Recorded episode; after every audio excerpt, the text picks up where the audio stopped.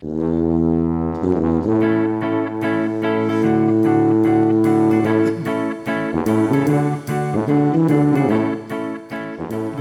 sier vi velkommen til sesongens siste sending av Vekas utvalgte. Og dagens gjest han kommer fra omtrent så langt nord en kan komme. Han har sett solide avtrykk i musikk- og kulturlivet, ikke bare i Stryn, men òg nasjonalt.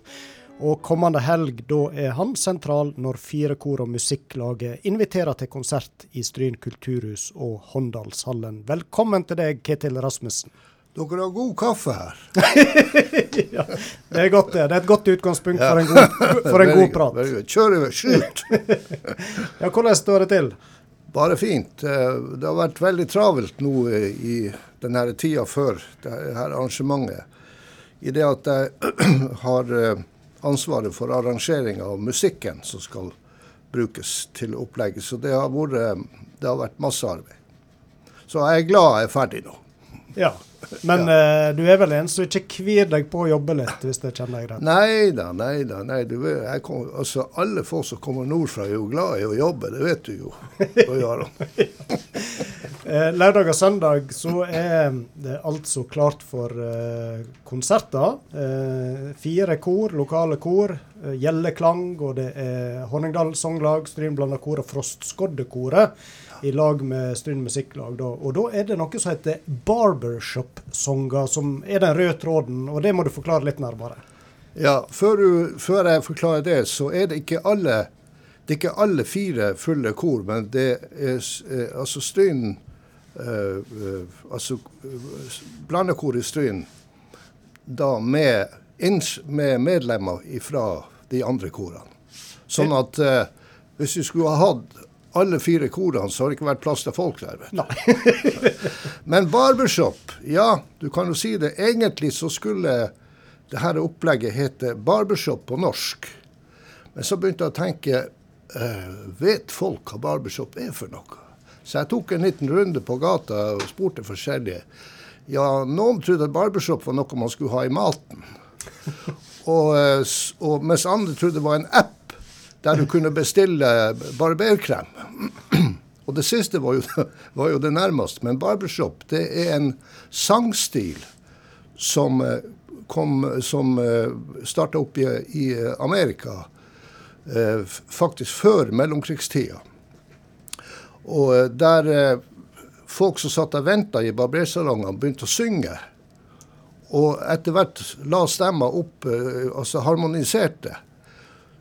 Så det er det egentlig øh, altså det som egentlig er grunnlaget for barbershop. Og var, Jeg begynte med mannfolk, men så, ble det jo, så begynte jo også dem som satt med krøllnåler i hårene. Det ble på samme måten der også. Og vi har jo masse kjente grupper som er kommet ut fra det her med, med barbershop-kulturen. Bl.a. Mills Brothers, And the Sisters, uh, ja, etc., etc. Uh, så egentlig så skulle den Forestillinga vår heter 'Barbershop' på norsk. Men jeg torde ikke også kalle det for det, for eh, siden uttrykket 'barbershop' ikke er så veldig kjent, så kunne jo folk begynne å tro det at eh, barbershop på norsk det var et kurs de kunne melde seg på. så derfor så lot jeg heller eh, tittelen være 'Kor, sving og mykje svit', for da kunne vi lure inn litt annet repertoar også. Mm. Så det her blir barbershop på norsk pluss, pluss. Mm. Uh, og da går vi Da tar vi litt fra ønskekonserten, NRK Ønskekonserten fra 50- og 60-tallet spesielt. Og så forstår jeg det sånn at uh, dette er ikke første gang du uh, lefler med dette stoffet her med barbershop særlig, da. Du har uh, vi, Tilbake på 70-tallet var det første gang du for alvor kom inn i, i disse låtene? Ja, altså jeg begynte jo med utdannelsen min i Volda i 76. Og jeg tror faktisk i 77 eh, allerede eh, Per Alvar Hildre eh, kom, var kommet i gang med Det Norske Kammerkor. Det het ikke det, det het bare Kammerkoret og Lærerskolen. Og i forkant av det var han jo enda kommet i gang med, med det store koret Skrøk. Så eh, han plutselig på en eller annen måte tok tak i disse her barbershop-tingene. Og eh, fikk fikk han Geir Hilles, Erik Hillestad i Kirkelig kulturverksted pluss Geir Lystup til å bli tenne på ideen. Mm. Der er det det begynner. Så, det, så de arrangementene her, det er originale barbershop-arrangement da med Geir Lystrup sine norske tekster ja. i, i, i, utgangspunktet. Og da eh, han eh, Per Oddvar Hildre Protz, eh, som du nevner, setter opp dette, så var du med som solist på plate, stemmer ikke? Ikke så veldig mye med kammerkoret. Jeg var faktisk mer solist med det, med det store koret, Skrøkk. For, men, men jeg, det ble jo etterpå. Ja. Men jeg har jo en del sånne Jeg har en del soloer også med, med med det som heter Det Norske Kammerkor. Da spesielt med eh, en, en LP-produksjon som heter Jonas Ørstavik. Altså Jonas Ørstavik er liksom erkesunnmøringen som vil ut i verden. Uh, og vi spilte jo inn da første LP-en var Eller andre LP-en med Kammerkoret var til Oslo for å gjøre seg feit. Og det, det, det, er den produksjonen vi kommer til å bruke mest ifra på, på denne konserten. Men så kom da Jonas Ørstavik World, World Tour number one, der vi hadde med eh, profesjonelt komp fra Sven, Asmussen med på fiolin, og Georg, Georg Riedl, som da er kjent for Pippi Langstrømpe-musikken, blant annet, var med på. Rune Gustafsson på gitar. Mm solid eh, komp, altså. Men hvis vi holder oss litt eh, disse barbershop-sangene og Prots, så eh, har jo han òg meldt sin ankomst nå, så jeg, til konsert. iallfall i Stryn kulturhus. Og det blir vel litt stas å få gamle mentoren i salen?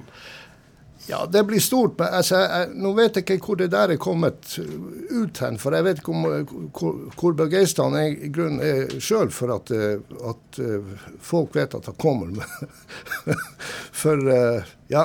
Men det er i hvert fall gjort kjent at han Prott skal være på konserten. Og det tror jeg kan bli artig for han å oppleve. Eh, også her, de her korarrangementene med, med, et annet, i en annen orkester med en annen orkesterdrakt da, enn det som var før med Ytre Sula. Mm. Ja. Og i korverden så er jo Protz et uh, stort navn, og utafor det òg en uh, kjent skikkelse for mange. Og karakteristisk skjegg og utseende der som vi alle husker han på den måten. Uh, hvordan var det å jobbe med han her da du studerte i Volda og hadde med han å gjøre både i skrukk og kammerkoret? Ja, det, det, det, skal du få vite. så det som har dårlig hjerte, de bør holde for ørene. nå. Nei, altså for å, for, Bare for å si eh, en veldig viktig ting her. Det som fikk i gang karrieren til Per Håvard Hilde, det er mye akkurat det her barbershop-prosjektet. Protz, en meget bestemt herremann. Eh, det var ikke noe å komme der på og spørre om du fikk fri fra å komme på ei korøving. Det var ei fra Åheim som, som, skulle hjem i en konfirmasjon eller barndom.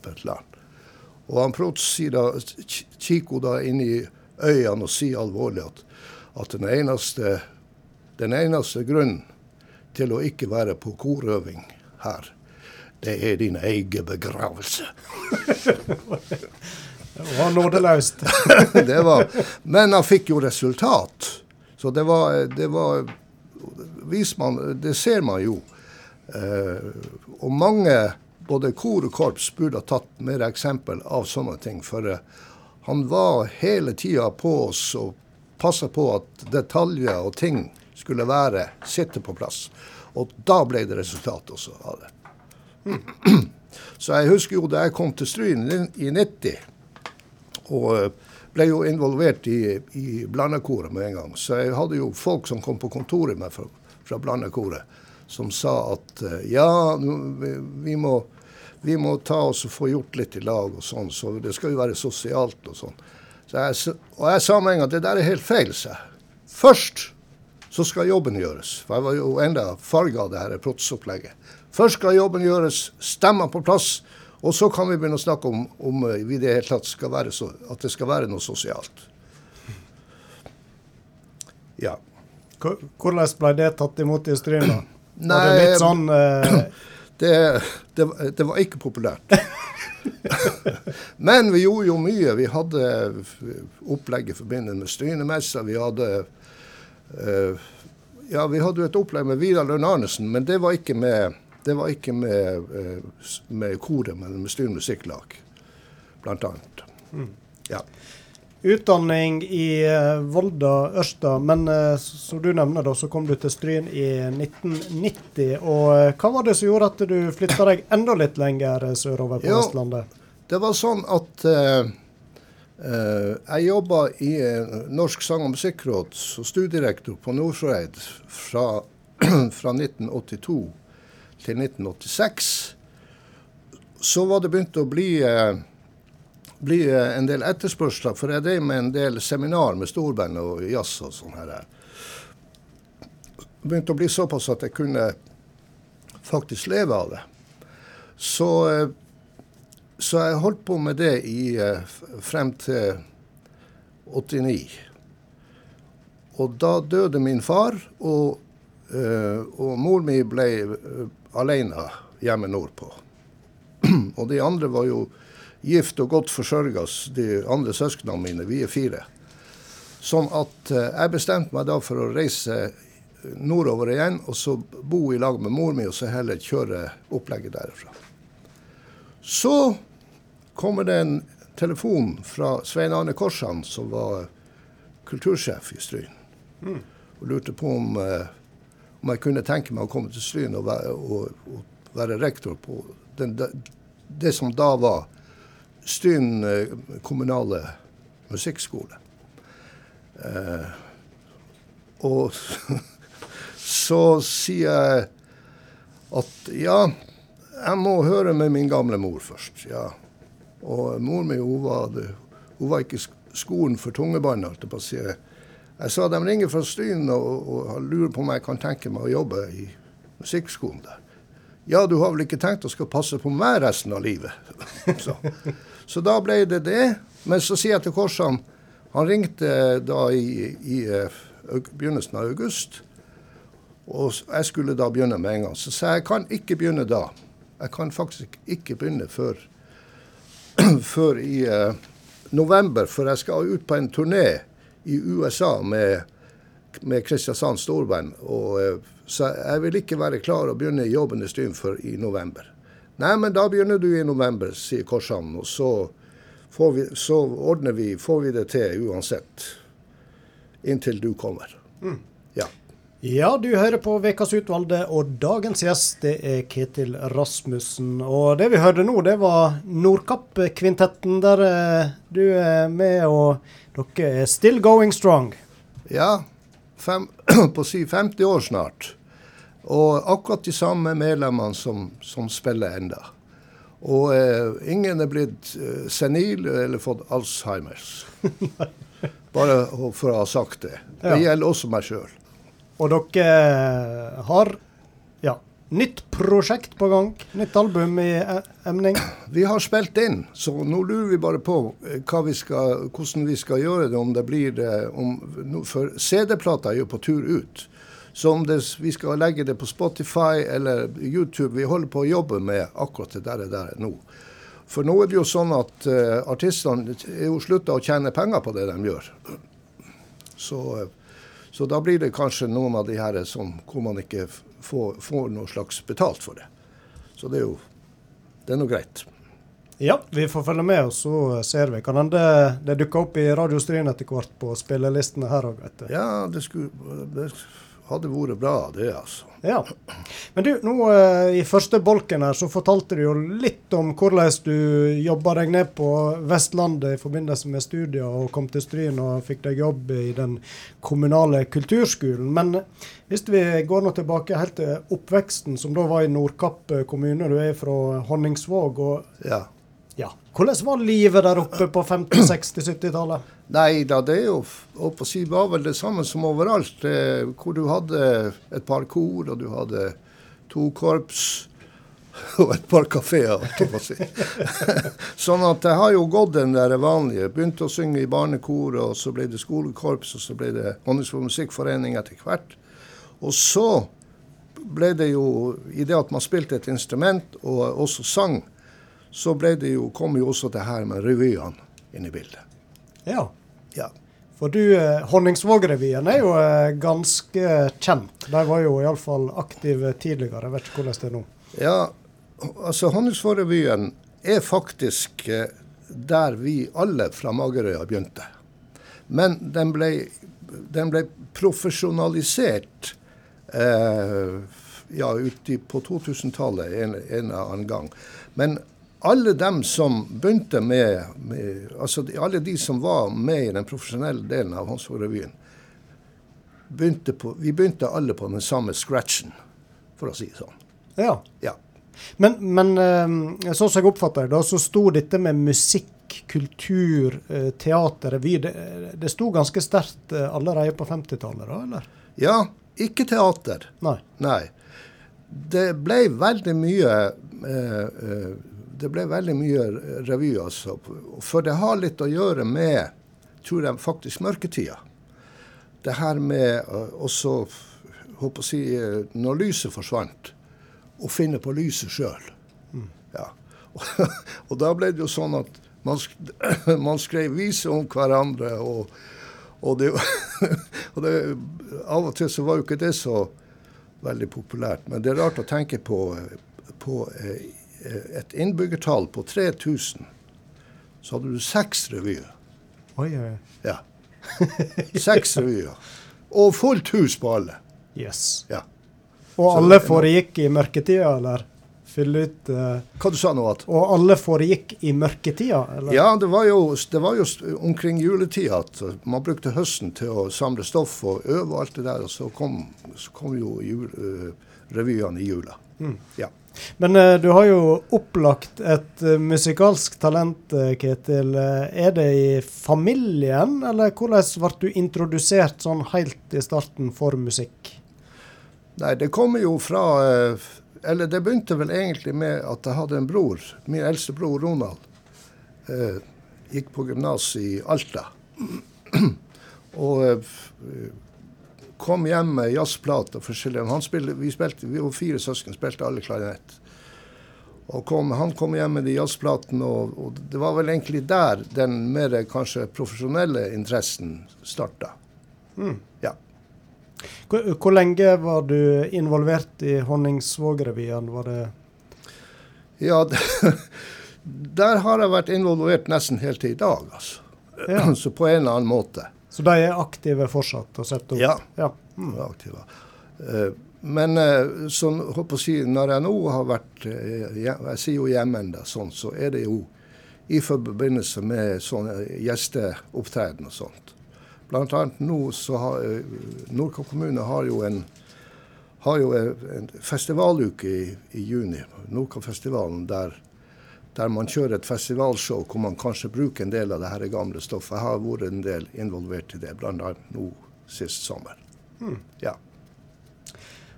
Og så uh, fortalte du jo at uh, turen gikk uh, etter hvert til Vestlandet da, for utdanning sånn ca. midten på 70-tallet der. Og ja.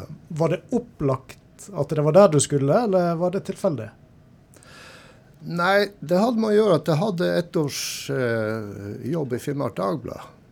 Og eh, så eh, eh, var jeg jo liksom skulle sjekke hvor det var mulig å ta journalistutdannelse. Og da ble det jo det Distriktshøgskolen Volda som, som, som, ble aktuell. Og, og det var litt artig, for akkurat det året det er forskjellige eh, krav for opptak for hvert år. og jeg har ikke gått gymnas eller videregående.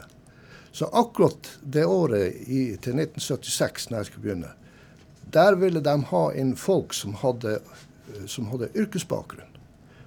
Og, og, altså at det her Skolegreia var ikke så veldig eh, viktig da med yrkesbakgrunn. Jeg hadde jo, både, jeg hadde jo vært hadde, hadde jo vært erstatningslærer i noen år også, pluss plus journalistikk. Og det her med erstatningslære det var ganske vanlig hjemme. Det, For det var, det var i, i, lang tid det var lite utdanna folk. Men, men, hva er erstatningslære? Det, erstatningslære, det, det, er kort og, kort og greit en som ikke har gått lærersko. Oh, ja. vi, vi, hadde jo, vi, hadde jo, en såkalt erstatningslærer som begynte karrieren sin som frimerkesleiker i Nordkapp kommune. Han slekte jo frimerker så han ikke behøvde verken sukker eller kake til kaffen før han ble erstatningslærer. ja, så, så, du har eh, rett og slett ei journalistutdanning i bunnen, du? Ja. Det var ikke klar over. Har du fått jeg, brukt den mye, eller? Ja, altså faktisk eh, eh, Jeg begynte jo Eller jeg jobber jo eh, i Norges sang- og musikkråd. Og da måtte du da måtte du kunne alt det her med skriving og skrive annonser og, eh, og alt det her styret der. Og så kom jeg etterpå og begynte i, i denne rektorstillinga i Stryn på musikkskolen. Der fikk jeg også bruk for masse av det her, her som, som uh, journalister lærer, journalister kan. Mm. Så ja. Og så I tillegg da, til uh, nevnte kammerkor og skrøk, så var du òg eh, tidlig involvert i et annet større prosjekt, Mixmasters. Og hva type band er det? Det eksisterer jo fortsatt. Mixmasters eksisterer enda, og det blir jo 40 år nå til neste år. Det var rett og slett pga. Og det her kommer jo også Per Oddvar Hildre inn i, inn i bildet. Fordi at Kammerkoret reiste på en såkalt verdensturné i 1982. Da havna vi eh, på en konsert i Minneapolis. Og det sto en reklame på en hel husvegg hvor det står 'Glenn Miller and the Big Bands'. Så vi gikk på den, og jeg ble jo helt fascinert av det, av uh, det stoffet der og sånn. Så, og jeg tok med meg programmet tilbake hit, altså det trykte programmet fra konserten. Skrev da brev til Norman Laden, som var, som var dirigent for konserten der. Og lurte på om han kunne hjelpe meg med, med arrangement, for sånne arrangement var ikke å få i Norge da. Og denne Norman Laden han hadde vært arrangør for Glenn Miller under krigen. Så han hadde de originale tingene. Så jeg fikk svar etter tre måneder. First I send you Moonlight Serenade and Sunrise Serenade, and I think, you will, I think I will send you American Patrol too. Og da var det i gang. Så han ba da om å, å, uh, at uh, orkesteret skulle spille inn på kassett.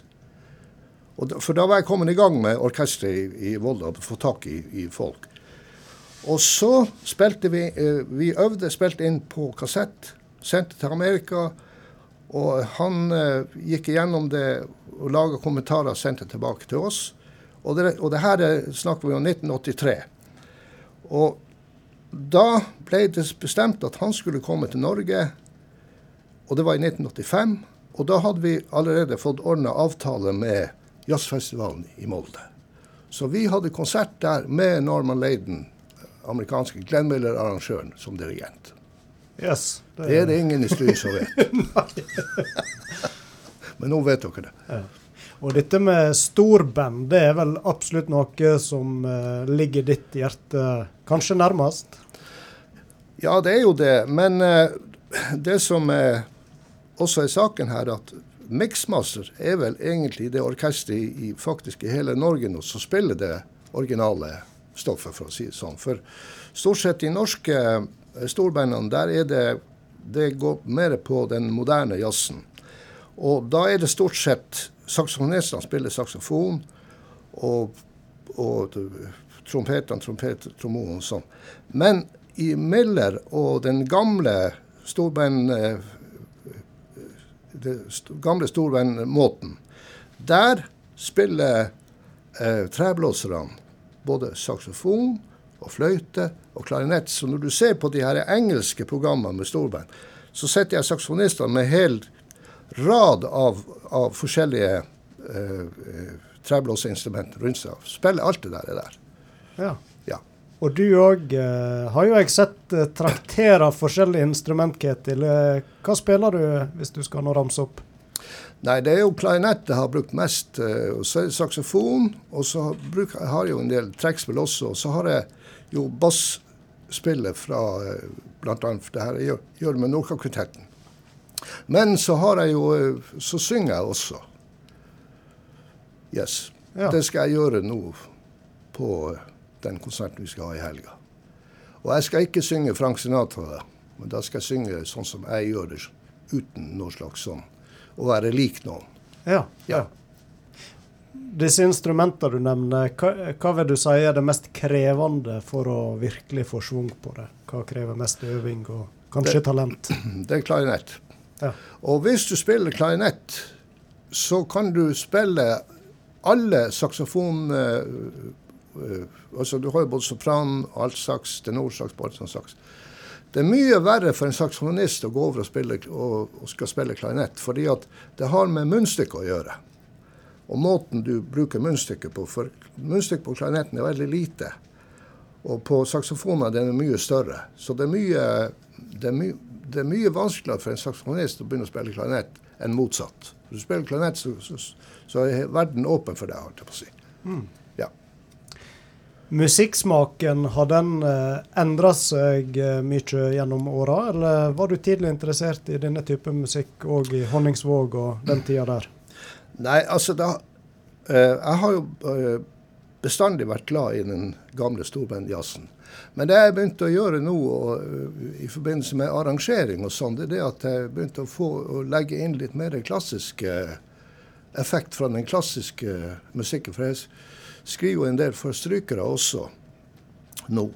Så, eh, så det er det som er, er, er kommet i tillegg, kan du si. Hva for, forbilde har du hatt opp igjennom? Eller har kanskje fortsatt? Uh, nei, jeg hadde jo Mitt første store forbilde var Louis Armstrong. Med, med altså, måten å synge på det og sånn. Og så etter hvert så ble det jo eh, både Kanskje spesielt Frank Sinatra, for jeg har litt lik stemme og har lært meg den måten å, å frasere på. Men eh, nå har jeg begynt å utforske i en alder av 72 år. Så begynte jeg å utforske og skal finne en annen stil å synge. Så nå synger jeg mer på min egen måte, og det er det jeg skal gjøre nå i helga. Ja, spennende. Ja. Ja. Synger du på norsk da, eller? Nei. Nei. Eh, Jeg, jeg kan godt fortelle publikum hva jeg skal synge for noe. Ja, det er litt spesielt, fordi at Bing Crosby var den første liksom popsangeren som kom. Han eh, begynte å spille inn filmer allerede på slutten av 20-tallet. Og en av de første sanger, en av de første filmene eh, Bing Crosby spilte inn, der sang han en sang som han hadde skrevet sjøl, som heter 'Where the blue of the night meets the gold of the day', en kjærlighetssang. Den hørte Frank, Frank Den eh, var i en film som Frank Sinatra og kjæresten var på. Og når han hørte den der, der da bestemte Sinatra seg for å, at hans karriere gjennom livet skulle være som sanger. Den skal jeg synge på nå i helga. Where the blue of the night meets the gold of the day. Det er kjærlighetssang. Nydelig flott sang. Jeg håper jeg ikke ødelegger den. Jeg er sikker på du ikke gjør. Men du, du nevnte jo at du hadde en eh, periode på en eh, fire års tid eh, der omkring du var frilanser. og Hva type prosjekt jobba du med de åra? Nei da, det var, det var storband og storbandseminar. Og, og der hadde jo Per Oddvar Hildre Vi hadde en del prosjekt sammen hvor vi, vi reiste rundt i, i Norge og hadde, og hadde prosjekt med kor og storband. Ja.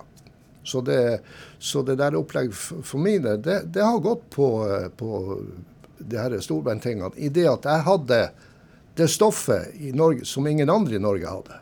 Det går, det går på, på de tingene der. Men hvordan står eh, det med kor og storband i dag? Altså den tradisjonen. Er det, er det noen svingninger der å oppleve? Nei, lite. Det var i en periode på 90-tallet, eh, mens han Protz og jeg holdt på med de her tingene. Men eh, eh, jeg vet ikke om jeg har hørt noe, i, etter, i, i hvert fall ikke innspillinger, med, med kor og, og, big band. Eller vokalgruppe big band. Du har gjort eh, veldig mye forskjellig og eh, spennende prosjekt, eh, Ketil. Men du valgte jo på mange måter å slå deg til ro, sånn mer eller mindre i, i Stryn. og vil du si at du valgte den, eh, den trygge og faste jobben framfor å kanskje gå for en enda større karriere innen musikken? Jeg valgte faktisk den trygge og den fattige tilværelsen. ja. Nei, jeg vet ikke. Eh, jeg er jo pensjonert fra den vanlige jobben nå og lever av en pensjon, pluss at jeg driver en del frilans og har det, har det, rolig og flott der jeg bor i Utvik. Fantastisk fin plass å bo på. Mm. Ja. Men uh, du var ikke enig med enda større ambisjoner, i og med du hadde talentet du hadde? Nei, altså Hvis du er for lik en annen uh, artist, f.eks. sånn som jeg har, har gjort mye Sinatra sånn, så du kommer ikke noen vei med det. Du må, du må finne må finne din, din egen nisje og så prøve å, å, å, bli kjent med det. Men det er klart at eh, nå er jeg 82 år. Jeg regner med at jeg skal være på topp når jeg er 92. ja, det, en herlig ambisjon. Det liker vi. ja. eh, et annet prosjekt eh, du var med på, det var jo eh, da Prøysen ble feira 100 år i 2014. Og der var du med og arrangerte en av eh, iallfall én melodi på plata. altså, det var jo et, et, eh, et, et, et 100-årsjubileumsprosjekt eh, i forbindelse med Alf Prøysen. da, Han var jo født i 1914. Så ble det bestemt fra Prøysenhuset, tror jeg, at det skulle spilles inn eh, Det skulle gis ut en notesamling pluss at det skulle spilles inn da, en CD-produksjon som gikk på Prøysen sine, sine komposisjoner spesielt arrangert for kor. Og det ble da til at noe som heter Solheimkoret i Brumunddal skulle gjøre den selve innspillingsjobben og sånn. Så det ble utlyst en konkurranse der det var, var vel 200 deltakere, og 15 av de eh, arrangementene skulle tas inn på den CD-en. Og da ble også det som jeg skrev på 'Reven og kråka' av Prøysen og musikken av Johan Øyan, eh, det kom med i, i, i det opplegget der. Mm. Ja. Jeg tenkte vi kunne høre på den, men jeg kan jo bare lese kjapt eh, noe av det som står i omtalen eh, til CD-en. Det står om deg, da. Ja. Han hører til ønskekonsertgenerasjonen, da mye av Prøysens ukjente stoff blir mer brukt. Med et gammeljazz-inspirert arrangement ønsker Ketil å gi nye generasjoner en liten kick av fordums Prøysen. Spennende. Da hører vi på den. Reven og kråka. Du, du, du,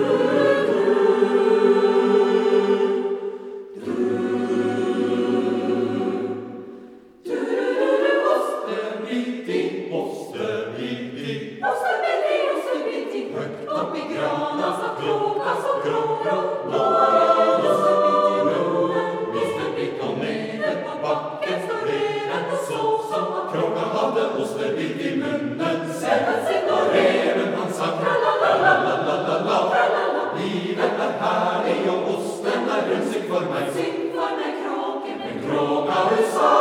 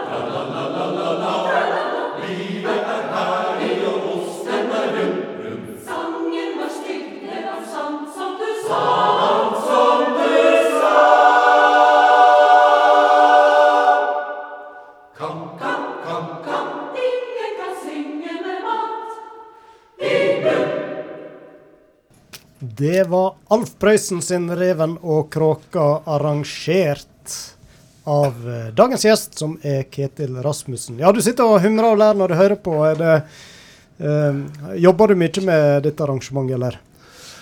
Ja, jeg, jeg brukte faktisk en juleferie, altså jula to, eh, 2013, til å gjøre den her. Så jeg var, jeg var ferdig på nyttårsaften. Og den, og den, skulle være inne den 2. januar, eller noe sånt. Så, og når jeg sitter og hører noe, så lurer jeg nå på om Arne Norheim har vært, med på å gjort noe av det. Syns du det var vel eksperimentelt, eller? Ja, men det er artig å prøve, for jeg var i en veldig sånn, som prøveperiode med mange ting med, i forbindelse med arrangering.